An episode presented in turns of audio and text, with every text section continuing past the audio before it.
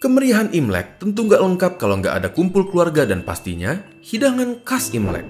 Ada saatnya di tengah keseruan dan kedesakan mempersiapkan hidangan, kita ceroboh dan menyebabkan jari kita teriris. Pada akhirnya, kita akan panik dan meminta pertolongan. Lalu, apa sih yang harus dilakukan untuk mengatasinya? Pertama, bersihkan luka menggunakan air mengalir, lalu tekan luka bukan dengan kapas, tetapi menggunakan kasa ataupun kain yang bersih.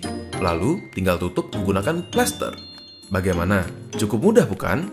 Ngomong-ngomong, video ini merupakan kolaborasi antara Palang Merah Indonesia dengan Neuron. Yuk belajar pertolongan pertama biar siap bantu sesama.